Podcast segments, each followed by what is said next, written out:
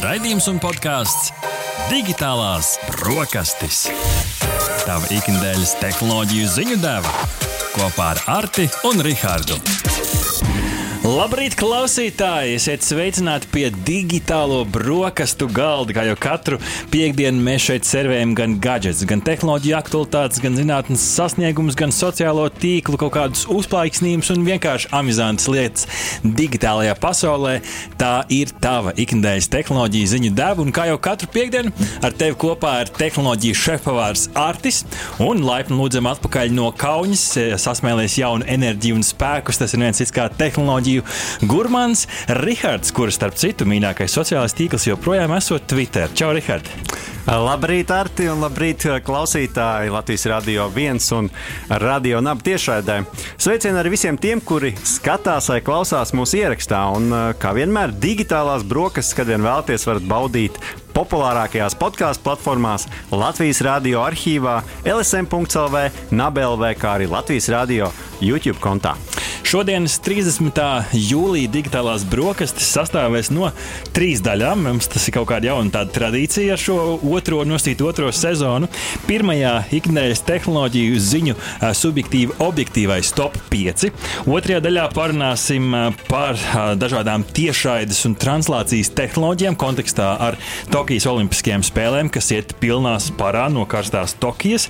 Un trešajā daļā mēs apskatīsim pavisam svaigu un jaunu vietpulksteni divas tā versijas, Huawei Watch 3 un Watch 3 Pro apskats. Tas jau būs raidījuma noslēdzošajā daļā. Starp citu, Rihard, maza korekcija man pašam no pagājušā raidījuma, kurā mēs apskatījām CAT S42 vietālu, un tur es ne, nepatiesi nopēlu šo tālu un teicu, ka viņam ekrāns nav HD uh, izšķirtspējā. Tā tomēr ir tā kā es ņemu savus vārdus atpakaļ un komplimenti CAT uh, S42 vietālu. Tam ir patiešām HD ekrāns. Nu, dažkārt gadās tik daudz ciparu un tehnoloģijas viena vieta. Tā, tā kā var kādreiz arī pašaut garām, un šoreiz atvainošanās no manas puses. Kā jau katru nedēļu LSM Instagram kontā, nedēļas sākumā, parasti jau pirmdienās, uh, stories, jeb šo īsajos, īslaicīgajos stāstos, mēs jums, LSM Instagram konta sekotāji, vaicājam dažādus jautājumus saistībā ar pagājušās un iespējams raidījuma tēmu. Un, mums bija divi jautājumi, Rihard. Pirmais jautājums, un šeit varētu apskatīties tos rezultātus. Vai tu bieži izmet ārā ēdienu, kas palicis pāri no citām ēdienreizu gatavošanām? Tas bija kontekstā ar ziņu par digitālo recepšu rīku. Kādi ir rezultāti? Jā, nu tad attiecīgi var teikt, ka rezultāts ir gandrīz puses puses. Tomēr nedaudz mazāk, 41% saka, ka jā, tiek mesta ārā pārtika. Mm -hmm. uh, nu, tā tad kaut kas, kas palicis pāri no citām ēdienreizēm, savukārt 59% cilvēki ir taupīgi un saka, nē, pārpalikumi netiek mest ārā. Droši vien, ka tie tiek likt lietā kaut kādā veidā. Lai gan reprezentatīvā aptauja to vērā arī šajā gadījumā, 41% kas met ārā pārtiku, ir diezgan ievērojams. Tā kā varbūt šis digitālais rīks kādam var noderēt. Un otrais jautājums, vai tu būtu ar mieru maksāt mazāk par automašīnu, bet pēc tam katru mēnesi abonēt tās servisus, piemēram, drošības sistēmu ūdens apsildīšana un tam līdzīgi. Kāda rezultāti šeit, Rihard? Jā, nu šeit, manuprāt, nav ļoti pārsteidzoši rezultāti. Tātad 27% saka, ka jā, būtu gatavi šādam, šādām izmaiņām mūsu auto pakalpojumu, tā var teikt, izmantošanā. Un savukārt 73% saka, nē, nopērku mašīnu, gribu, lai tā ir pilnībā mana, un es pats kontrolēju, kad man ir siltums, kad man ir drošības, dažādas features un tā tālāk. Tā kā šādas atbildes. Principā ļoti interesanti. Tas jo... jau laikam atšķirīgs no tā arī, kā to automašīnu iegādāties iegādājies, tu ņem līzingā pa daļām, nu, tad jau iespējams maksāt mazāk un piemaksāt nedaudz dēļ servisiem. Ir kaut kas labs, bet ja pēc uzreiz, tad, kā tu saki, gribās, lai tā mašīna ir pie tevis. Skatāmies, kas tad interesants ir noticis šonadēļ. Pievēršamies tehnoloģiju topam. Ziņa numur viens. Turpinot pagājušā raidījuma tēmu par droniem, mums ir divi jaunumi dronu pasaulē. Pirmkārt, no apvienotiem Arābu Emirātiem, kur, protams, šī tūkstneša svēlme ir tāda pati gan jau kā, kā Tokijā. Tur izmēģina dažādas pieejas, lai mākslīgi radītu lietu. Apvienoto e Arābu Emirātu meteoroloģijas aģentūra nesen publicējusi video ar neraksturīgi spēcīgām lietavām šim reģionam, kuru cēloni tā piedēvē droniem. Jā, patiešām mākslīgi veicinātais lietus esot bijis rezultāts tam, ka elektriski izstrādāti droni, kas šos lādiņus ir izplatījuši mākoņos, ir radījuši šādu nosacītu mākslīgo lietu. Kā portālā gizmodo.com skaidro Redingas Universitātes pētnieki, kur ir šie zinātniskās smadzenes aiz šī pētījuma, tad šī, šī tehnoloģija, ar kuru viņi eksperimentē, elektriskie lādiņi mākoņos veicina šo ūdens daļiņu savienošanos. Nesmu ķīmiķis, necitējiet mani, bet kā viņi skaidro, tad šīs mazās, mazās, mazās ūdens daļiņas savienojās lielākās lāsēs, un pēc tam tas rezultējās Lietuvā. Tā kā šāds interesants eksperiments no apvienotiem Arābu Emirātiem, un otrs, otra daļa dronu jaunumam, numur viens šeit ir par sporta droniem. Sporta dronu kategorijā, kur nesen Cīrikas Universitātes pētnieki, kā raksta tekstpot.com, izmantojot mašīnu mācīšanās algoritmu, ir ar šiem droniem apspējuši profesionālus šos sacīkšu lielmeistarus, kur uh, dators aptuveni veselu stundu ir analizējis šo uzstādīto trasi, atradis labākos leņķus, pagriezienus, uh, virāžas, uh, un beigu beigās esot, uh, tas esot rezultējis panākumiem, jo šie divi profesionāli sportisti beigu beigās ir pieveikti, nu, tā teikt, dators nodroņīja tos profesionāļus. Tāda jaunuma par bezpilota gaisa kuģiem un kādā ziņā tehnoloģijas iet uz priekšu. Mēs jau pagājušajā raidījumā reiz par droniem runājām un noteikti iesaku noklausīties, lai uzzinātu, nu, kas tad ir jāizdara, lai tiktu pie sava drona un lai to varētu droši lidināt uh, apkārt. Turpinām ar robotiem. Oregonas Universitātes pētnieki radījuši skrienošu divkājainu robotu Kesija. Divkājainais robots ar tālvadības pulti spējas pieveikt 5 km garu attālumu aptuveni 53 minūtēs, jeb aptuveni 1,10,5 minūtēs. Robotu zinātnieki ir radījuši, lai tas varētu pārvietoties vidē, kas paredzēta cilvēkiem, nu, piemēram, šaurākās vietās vai kāpjot pa kāpnēm. Divkājainība ir reizē robota spožums un posts, jo pretēji tā četrkājainajiem konkurentiem, piemēram, no Boston Dynamics, tiem ir lielāka tendence apgāzties. Aprakstītajā eksperimentā robots apgāzās divas reizes. Vienreiz, jo dators neizturēja spriedzi, un otrreiz, jo tā pilots veica pārāk strauju pagriezienu. Un par to mums stāsta TheVerge.com. Savukārt, kursors.CLV ziņo par Microsoft mākslīgā intelektu robotu Beachbot. Um, un, um, attiecīgi, ir veikts eksperiments, kurā četriem riteņiem apveltītais robots devies uz pludmali savākt izsmēķus. Robots pirms tam ticis apmācīts ar izsmēķu attēliem, lai tos spētu atpazīt. Robotam identificējot izsmēķi, tas ar mazu ķepiņu palīdzību sagrābi atkritumu un ievietot to tvertnē. Un visbeidzot, trešais robots. Uh, inženieris un YouTube uh, satura veidotājs Marks Roberts ir radījis robotu, kurš uh, domino kauliņu mozaīkas ar augstu precizitāti spēj izveidot neticami īsā laikā. Un par to mums stāsta Verge.com. Spēlē Super Mario uh, Bros. Uh, veltītu kolāžu robots no 100 tūkstošu kauliņu izveidojas tikai 24 stundās. Liekot kauliņus pa vienam, kā to dara cilvēki šādos mākslas darbos, tos, tas nozīmē, ka 20 čun, 24 stundas bez apstājas būtu jāliek kauliņi ātrāk kā viens kauliņš sekundē. Robots vārdā Dominators reizē uzliek 300 domino spēles kauliņus, kurus tā tvertnē pirms tam ir ievietojis cits robots. Nu, tā tad no domino kauliņiem tiek veidota skaista bilde. Ziņa numur 3.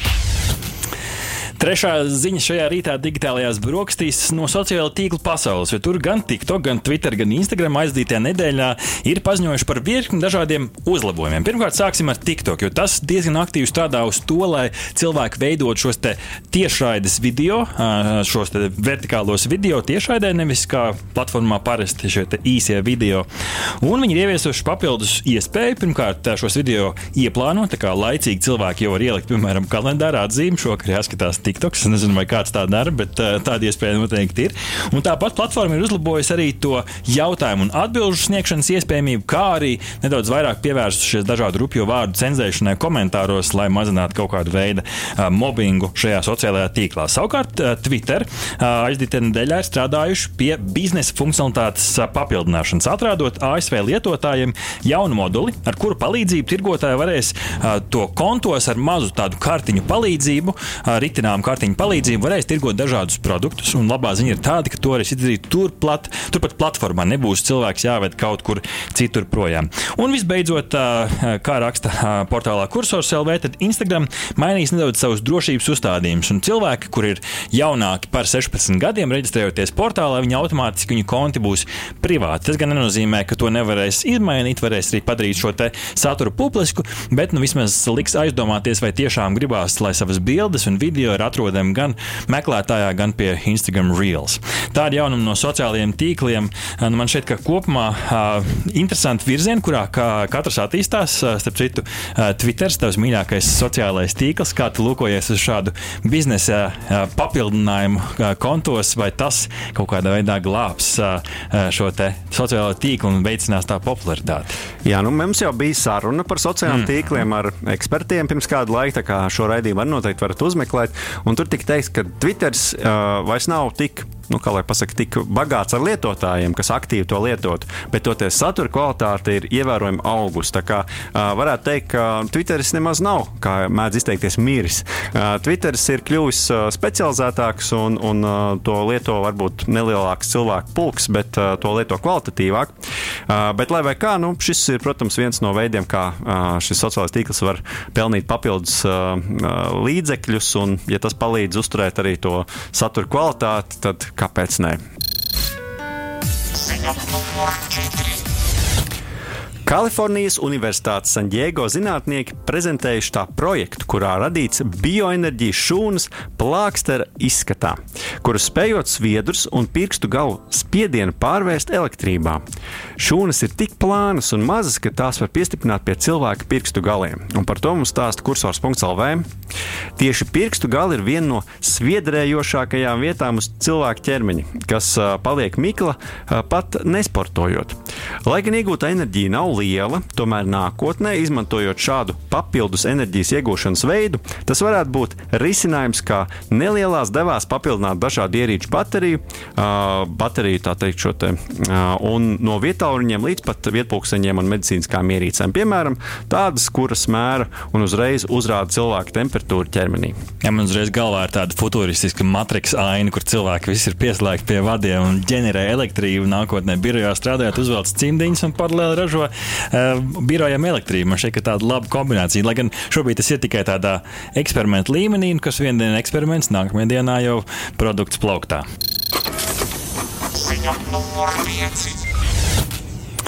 Redz, kā Latvijā arī tomēr var. Bieži vien stāstām par dažādiem ārzemju veikaliem, par, piemēram, par Amazon Go, kur eh, tirgo lietas bez cilvēku starpniecības, un beidzot arī pie mums ir tāds veikals parādījies. Patiesībā diezgan drīz jau kopš arī ASV. Eh, konkrēti Latvijā eh, degvielas uzpildes staciju ķēde Neste ir atvērusi tās pirmos pašapkalpošanās veikalus.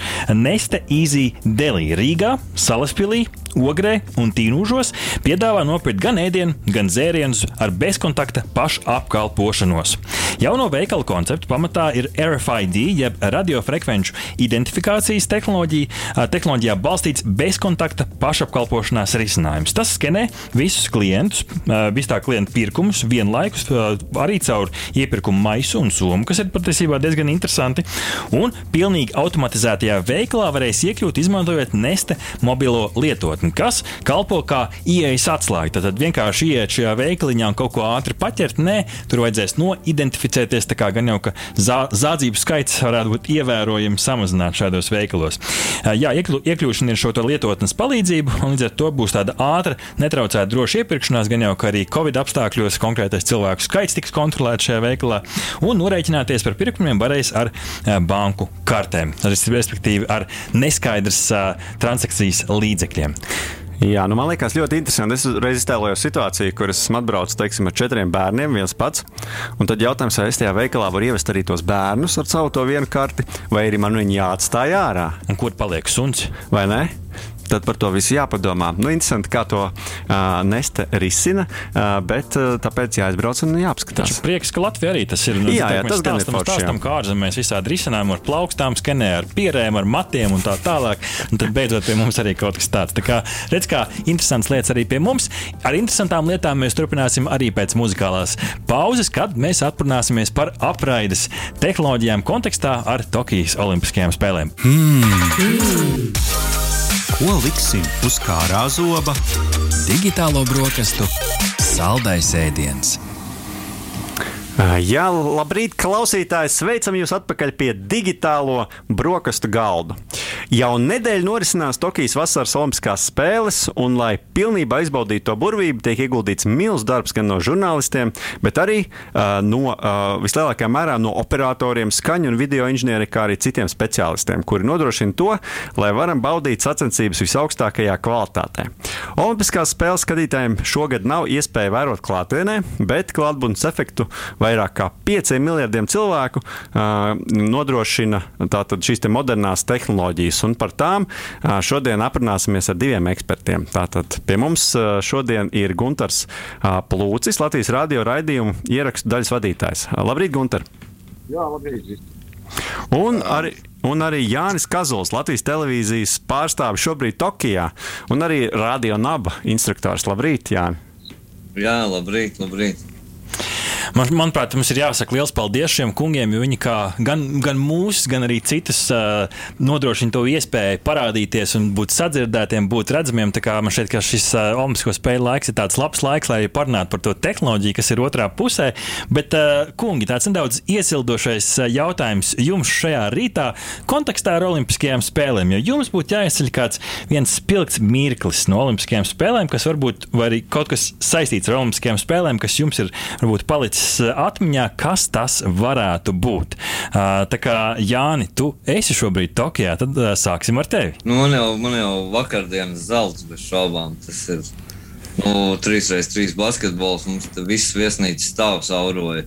Tā ka man liekas, visi kaimiņi pamodās. Nu, tur bez variantiem. Viesnīcā nu, viss stāvs Latvijai emocijas. bija.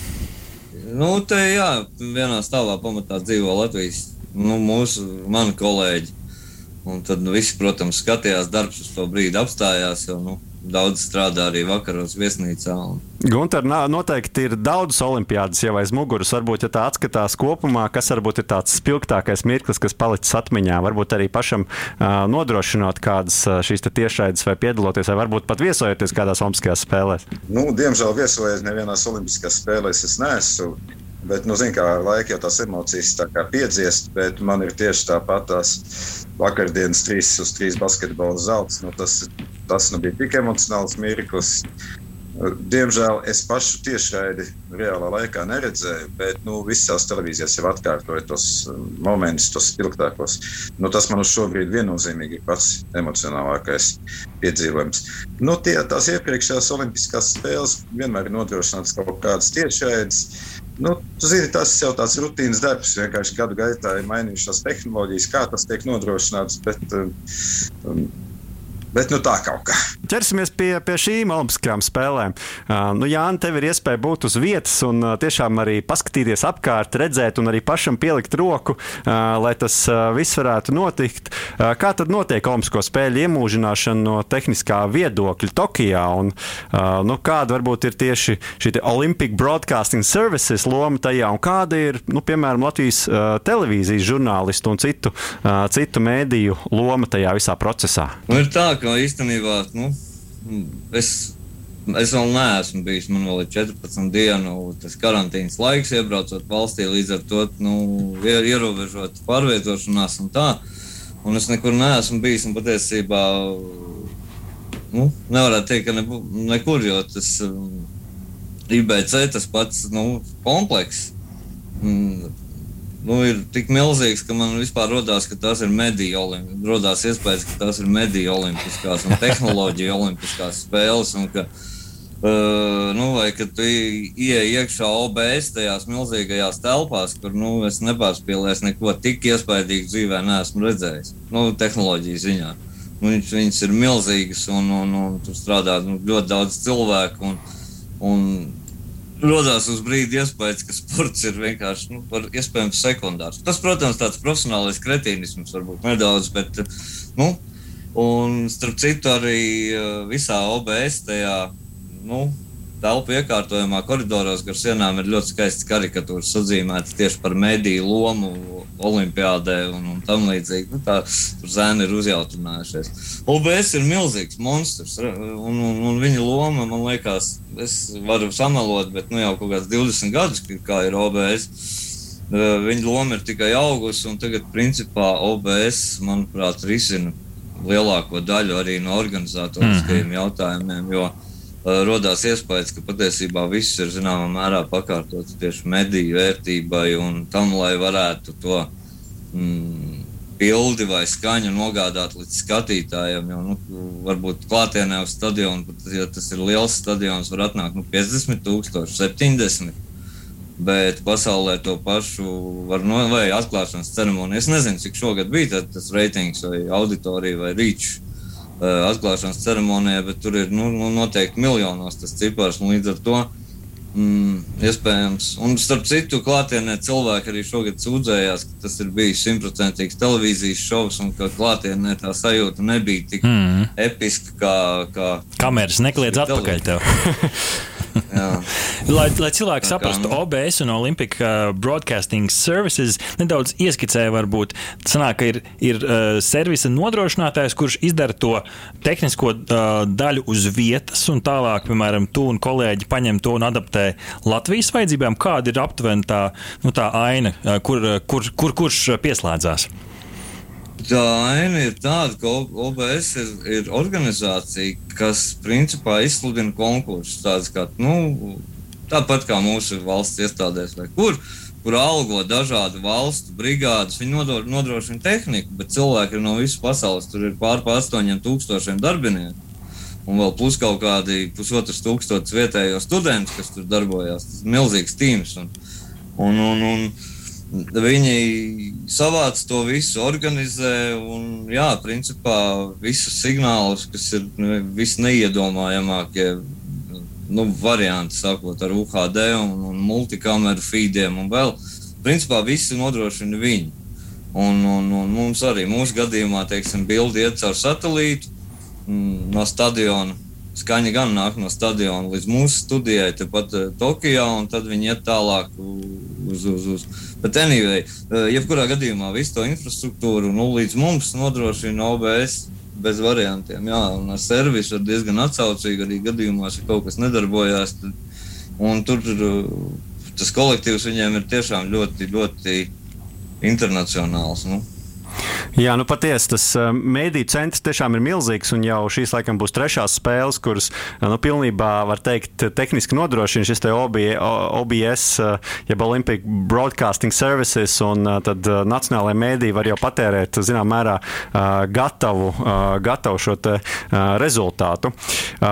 Bet jā, varbūt, ka. Jā, palabošu, viņš, manuprāt, bija drusku savādāk. Bija tā, ka trešās, kuras pilnībā nodrošina Mm -hmm. Tur mainījās jā, jā. struktūra. Tieši tā. Trešās, pilnībā, pilnībā, jā. No Tie, tieši tā sanāk.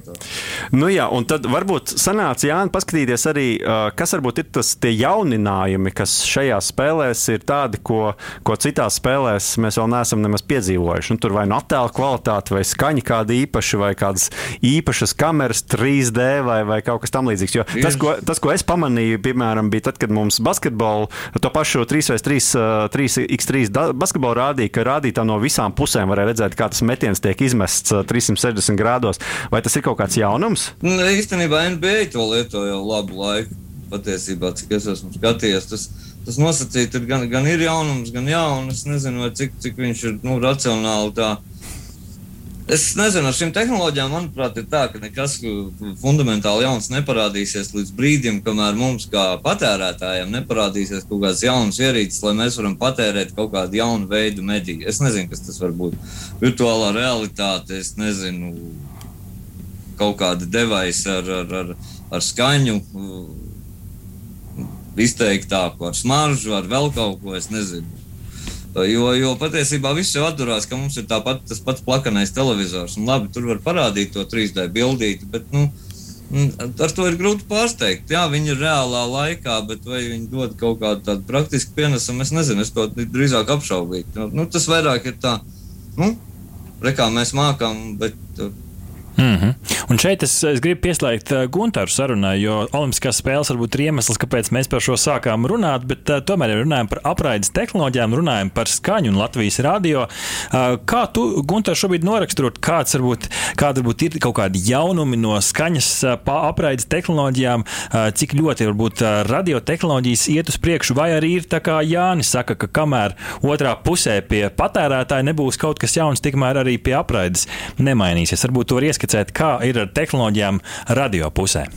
Nu, redzi, radio, kā jau pirmie pieminēju, radio pats galvenais ir skaņa.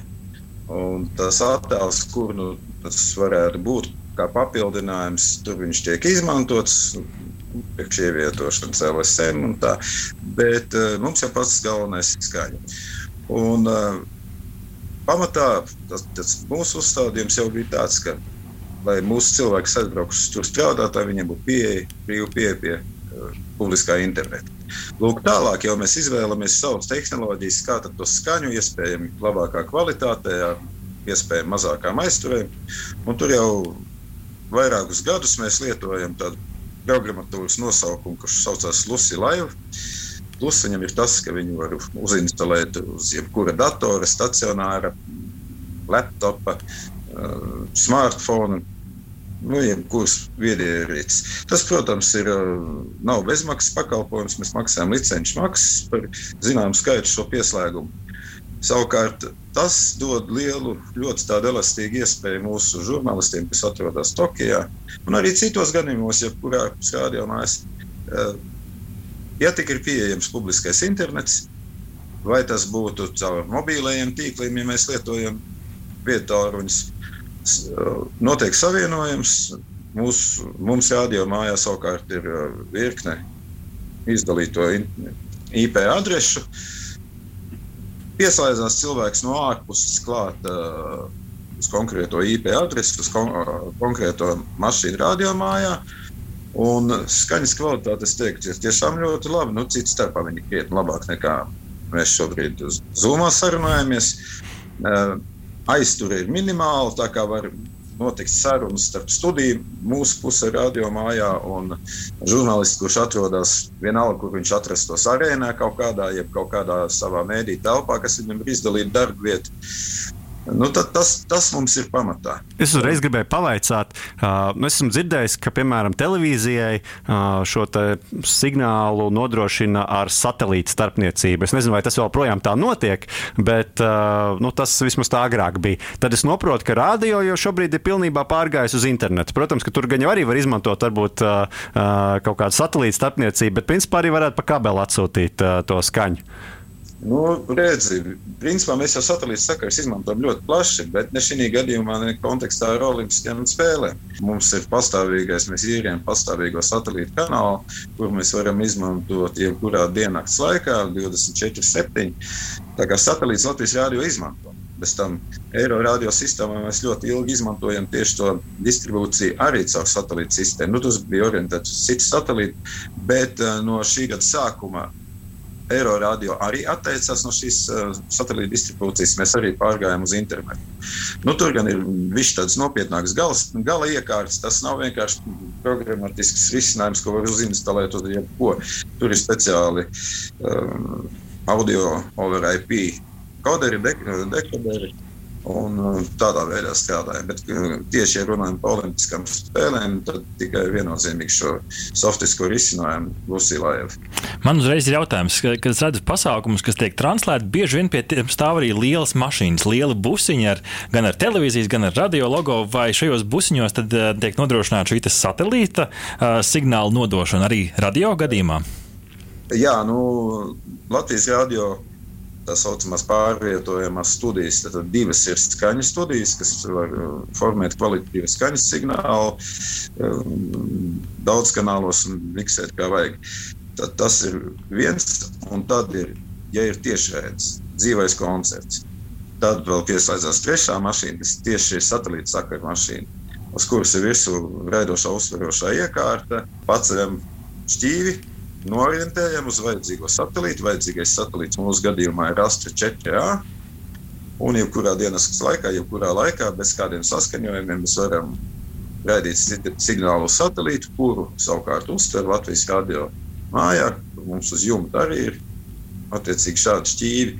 Un tādā veidā mēs Latviju, nu, ja atrodamies Latvijā, mēs nodrošinām tiešraides. Un paralēli tam Nu, maz kas tur gadās, satelīts saka, ka viņš atkarīgi ir no, arī no laika apstākļiem. Paralēli tam vēl ir uz visām mašīnām, arī šī, uz datoriem uzinstalēta šī pati Lucija laiva programmatūra, un viņš ikdienā tiek kā backups nodrošināts. Mm -hmm. Tur man uzreiz jautājums Jānim, kā tad ir ar televīziju? Jo no nu, radio mēs sapratām, ka Omaska spēja kontekstā pamatā internets, bet, nu, protams, ir arī viss cits iespējas citos gadījumos. Kā tad ir ar televīziju? Nu, ir, ir gan, gan lieto mums, piemēram, arī. Nu, Bet visām lielajām pārraidēm mēs lietojam tomēr satelītu, jo to nu, uzreiz nodrošina OBS un tas iet. Bet uh, ir tāds iekārts, kas ir live view, ko, starp citu, kas redz kolēģi arī no visas pasaules, ir ļoti populāri un ļoti daudz izmanto, kur tu tīri tehniski vari no meža uztaisīt video tiešraidi uz jebkuru vietu. Kurā ieliek, es nezinu, cik tur līdz astoņām simtkartēm iet iekšā un caur mobilo internetu viņš paralēli pa, daž, pa vairākiem provideriem būs prom vienu un to pašu signālu. Ja tur vienam neiet nekas, un principā Manuprāt, ka normāli var darbināt pat ar vienu simtkarti. Nu, kaut ko mēģināt, un ar, ar divām, trijām jau viss iet pavisam skaisti. Un, un, un nu, arī televīzē bija eksperiments, bija pirms pašvaldību vēlēšanām, bija principā debatas, kas tika nodrošināts tikai caur mm, internetu. Tā kā ir, bet nu, ar bildi ir tā, ka ir, ir liela problēma tiešām ar tām aizturēm. Un, un tajā brīdī, ja tu, ja tu sāc bildi laist caur internetu un tev nu, uh, pings no Japānas ir minimums 300.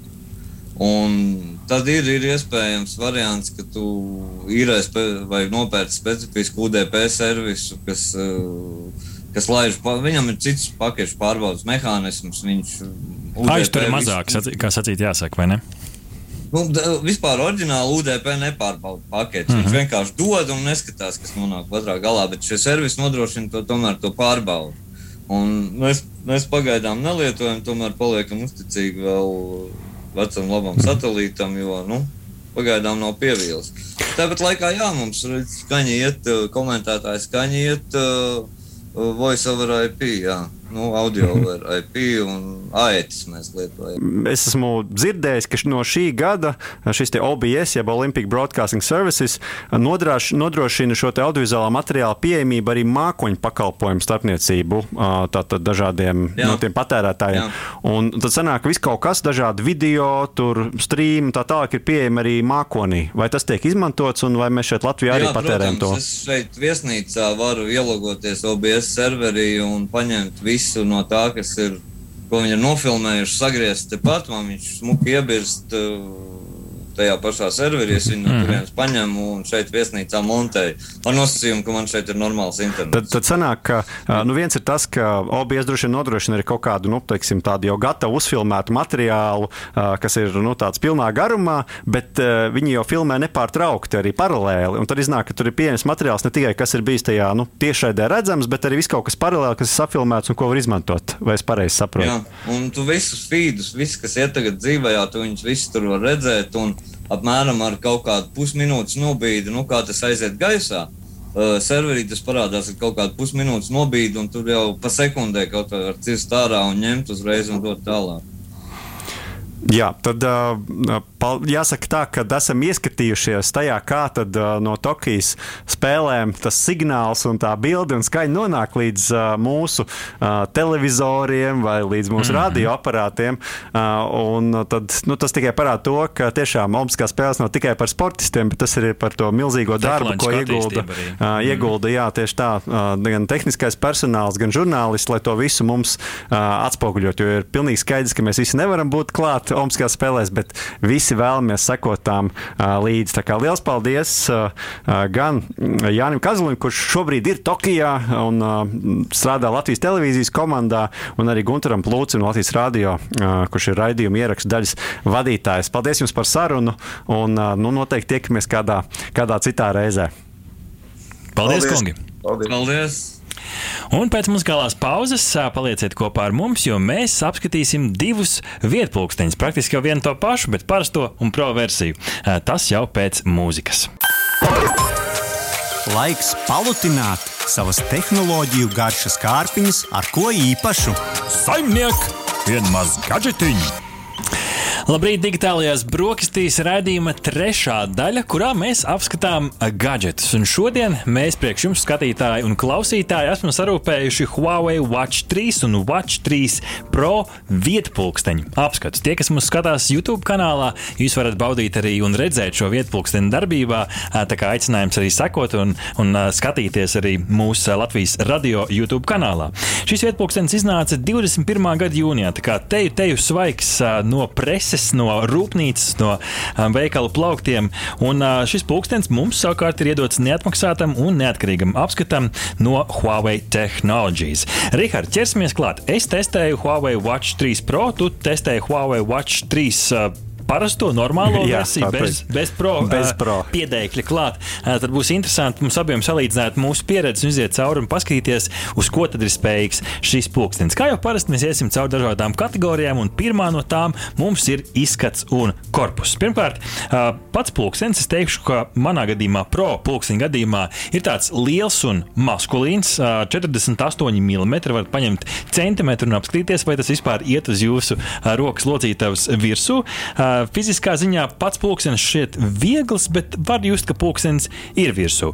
Un šeit jautājums tev, Rihard, vizuāli un lieluma ziņā. Tā laikam ir tā pirmā liela atšķirība starp mūsu abām versijām. Jā, es domāju, ka pulksteņi kopumā ir diezgan līdzīgi, mm. bet šī vizuāla atšķirība ir galvenā. Jo, ja pro versija ir tāda vairāk eleganta stila, tad savukārt šī parastā versija, tātad Watch 3 versija, ir sportiskāka. Un tas izskats ir sportiskāks būtiskāks, un arī pulkstenis ir nedaudz vieglāks, un arī diametrs ir nedaudz mazāks. Tātad manā gadījumā ir tie 46,2 mm. Tātad pavisam nedaudz, nedaudz atšķirīgi minimāli. Jā. Jā. Vizuāli es teikšu, ka patīkami. Ab, abiem šeit arī tavam vietpūkstenim virsmē ir tāds pulētais safīrs, cik tur tūkstošu reizes pulēts safīrs. Kāds rūpnīcā ir smilšpīri ilgi un dikti pulējis. Bet vizuāli, jā, ir tāds nopulēts, nopulēta virsma gan no augšas, gan no apakšas. Tas um, tērauda, tērauda korpusiņš manā gadījumā arī tādu prīmiju sajūtu nedaudz dziedot. Tas, nu, uh, angliski to sauc par build quality, latviski par uzbūves kvalitāte diezgan, diezgan augstā līmenī. Uh, tas, laikam, vizuāli ir tas, kas atšķiras mūsu apgūšanas versijas. Jā, jā, vizuāli mums atšķiras. Mm. Man ir tāda stikla priekša pulēta, protams, tad keramiska aizmugure un nerūsējošā tērauda ietvers, bet, kā jau minēju, man tas izskatās daudz sportiskāk. Mm -hmm. Tavā gadījumā tā jau pavisam uh, smalki. Manā gadījumā ir arī liektas maliņas pulksteņa stiklam. Tavā mm -hmm. gadījumā, manuprāt, tas Nedaudz ir ma mazāk, mazāk izteikts. Mm -hmm. Un uh, līdzīgi, man liekas, abiem pulksteņiem, tātad uh, labajā augšējā uh, pusē ir tāda griežama sviriņa, ja tā varētu teikt, tāds kronītis, ko var gan grozīt, gan piespiest, līdzīgi kā tas ir arī klasiskajiem pulksteņiem. Mm -hmm. Un savukārt labajā apakšējā pusē ir poga, ko var pielāgot savām vajadzībām, tātad ieprogrammēt, ko mēs gribam, lai ar viņu var izdarīt. Un tas, manuprāt, abiem pulksteņiem ir vienāds. Jā, ejam tālāk pie ekrāna, jau par to mēs uh, sākām runāt. Skāriņjutīgs ekrāns, uh, AMOLED, līdz ar to arī teikšu, diezgan spožs. Šeit laikam mēs pirms raidījuma skatījāmies un salīdzinājām specifikācijas pa lielam, lai gan korpusa izmērs ir atšķirīgs, ekrāna izmērs abiem ir te vai vienāds. Tur nemērīsim milimetru simtaļas, bet tas laikam ir tas, ar ko atšķirās. Pro versijai korpus lielāks, bet pa lielam abiem šis Ekrāni ekrāns ir ļoti līdzīgi. Un arī izšķirtspēja ir, ir vienāda. Tā kā tādā ziņā šie, šie abi pulksteņi ir ļoti līdzīgi. Šeit es paskatījos arī uz konkurentiem. Nu, Samsung Watch 3 arī ir aptuveni par kādu milimetru lielāks par to, bet tas laikam ir tāds vidējais standarts kaut kur, izņemot Apple Watch 6 kurš, lai gan ir taisnīgs tur formas, bet tur jau ir 45 mm. Un pasaulē, protams, ir vēl lielāka pulksteņa. Ir tādi lieli, lieli taisnīgs tur veida ekrāni, bet tas jau ir laikam mhm. anomālijas šoreiz nevis standarts. Bet, ja kurā šis ir diezgan liels ekrāns salīdzinoši ar vidējo, uh, vidējo vietu pulksteni. Spožums diezgan labs, lai gan tādā ļoti spožā vidē, piemēram, jūrmalā, dažkārt bija grūti pret sauli pamanīt, bet varbūt es jau kļūstu ļoti, ļoti izvēlīgs, piekasīgs. Jā. Um, ja mēs runājam par stikla izturību, tad izturīgais stikls manā gadījumā, šobrīd skatos studijā, nu skrāpējums es nekur neredzu pret gaismu. Kā tavā gadījumā? Jā, nu es pat izbraucu laivu braucienu pa tādu ļoti, ļoti šauru upīti. Es domāju, tu teiksi, es gan es nobraucu ar pulksteni gar asfaltu un pat nesanācu. Jā, bet arī pēc šī, šī izbrauciena pulkstenim nekādu skrāpējumu nav. Tā kā liekas, ka vajadzētu būt visam kārtībā. Un tāpēc es gribu iet pie skaņas, jo laivu brauciens un skaņa tas nozīmē arī ūdens nedaudz uz pulksteņa. Viņi, protams, ūdens izturīgi. Skaņa mums abu, šīm abām versijām ir skaļrunis. Labajā pusē, kurš, protams, zem ūdens var nu, piepildīties ar ūdeni. Bet tāpēc manai versijai, es nezinu, kā ar tavējai versijai, bet manai versijai ir dreini, jeb nosusināšanas tehnoloģija, kas ar tādu spalgu skaņas palīdzību un kratīšanu reizē var šo skaļru un iztīrīt. Līdz ar to skaņa ir labāka, bet ja par skaņas kvalitāti, cik labi ir skaņa tavam? Jā, nu, es teiktu, ka atbilstoši ierīces izmēram. Es, tātad, es piekrītu. Tātad skaņa nav izcila, bet, uh, lai saņemtu to informāciju, ko šis vietpunkts mums piedāvā, tā ir gan pietiekama. Un tas ne tikai skaņu dod, bet bet arī ņem. Jā, ir, Kāds ir mikrofons? Ir arī iebūvēts uh, mikrofons. Es gan pats neizmēģināju, izmēģināju, bet es zinu, ka kāds izmēģināja. Jā, jā, patiešām es izmēģināju, es esmu zvanījis arī caur šo pulksteni un runājis ar cilvēkiem.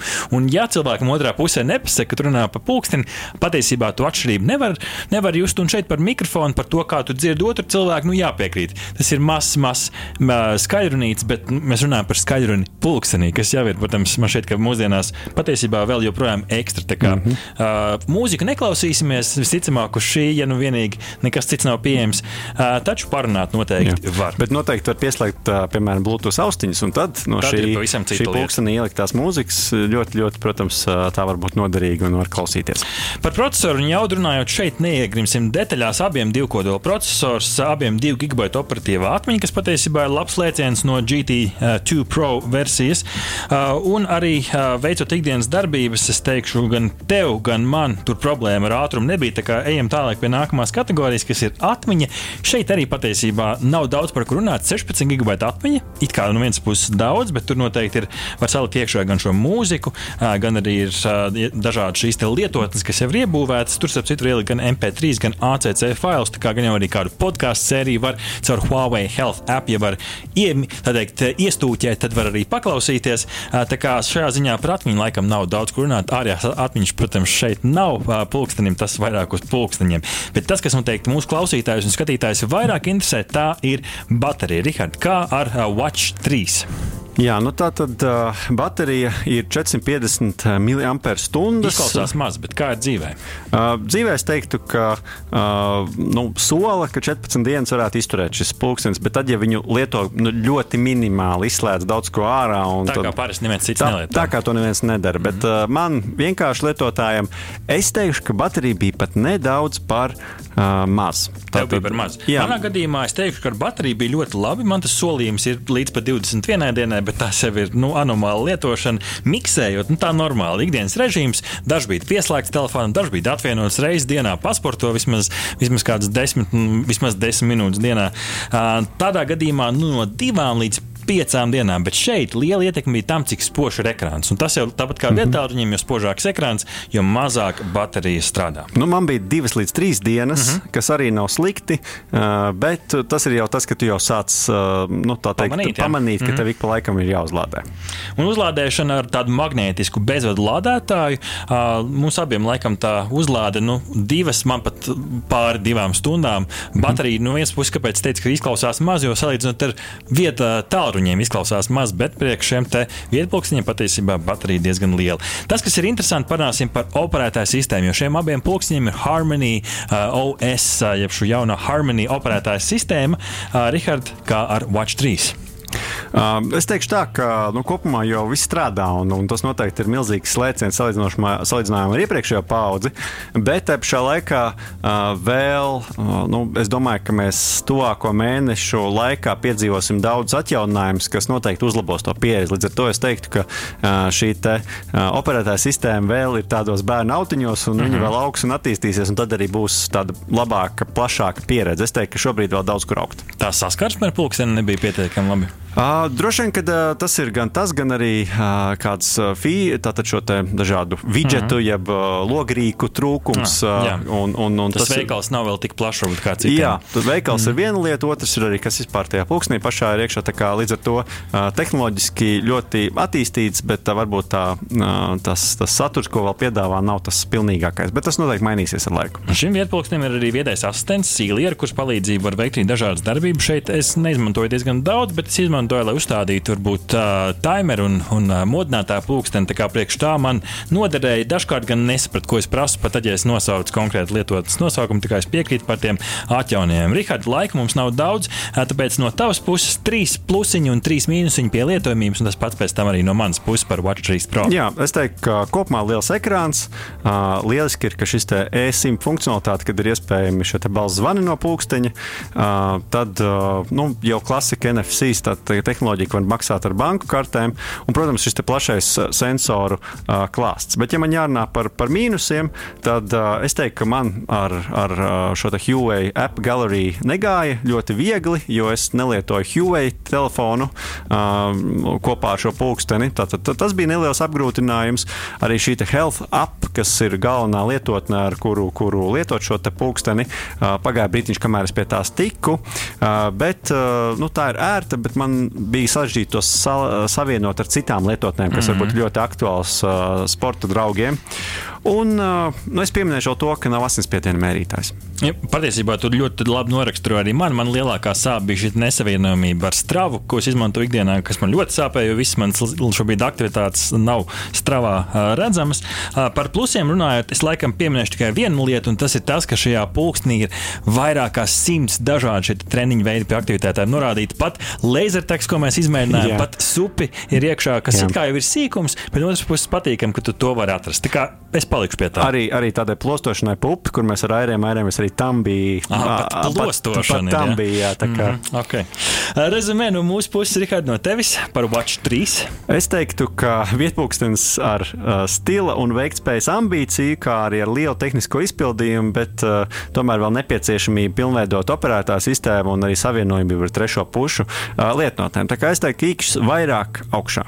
Īkšķis vairāk augšā, no manas puses par Watch 3 Pro savukārt vietpūkstens, kas man pat pārsteidz ar baterijas ilgumu manā gadījumā, plašo funkcionalitāti un prēmiju dizainu sajūtu ziņā. Uh, taču, ja līdz šim neesmu bijis dažādu uh, šo te Huawei lietotņu piekritējis, tad var nākties pieslēgties un varbūt kaut kas pat var nestrādāt. Tā kā uh, no manas puses uh, man šī prēmiju sajūta tomēr atstāja labu pēcgaršu mutē, tā kā no manas puses īkšķis augšā. Rihard, tas arī viss šodienai.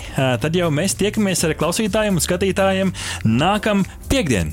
Paldies, ka mielojāties kopā ar mums. Mūzikas redaktors Girds Bišs, prezīšu pults Arnolds Auziņš, raidījumu veidoja radionāba autori Arts Ozoliņš un Rihards Blēse speciāli Latvijas Radio 1.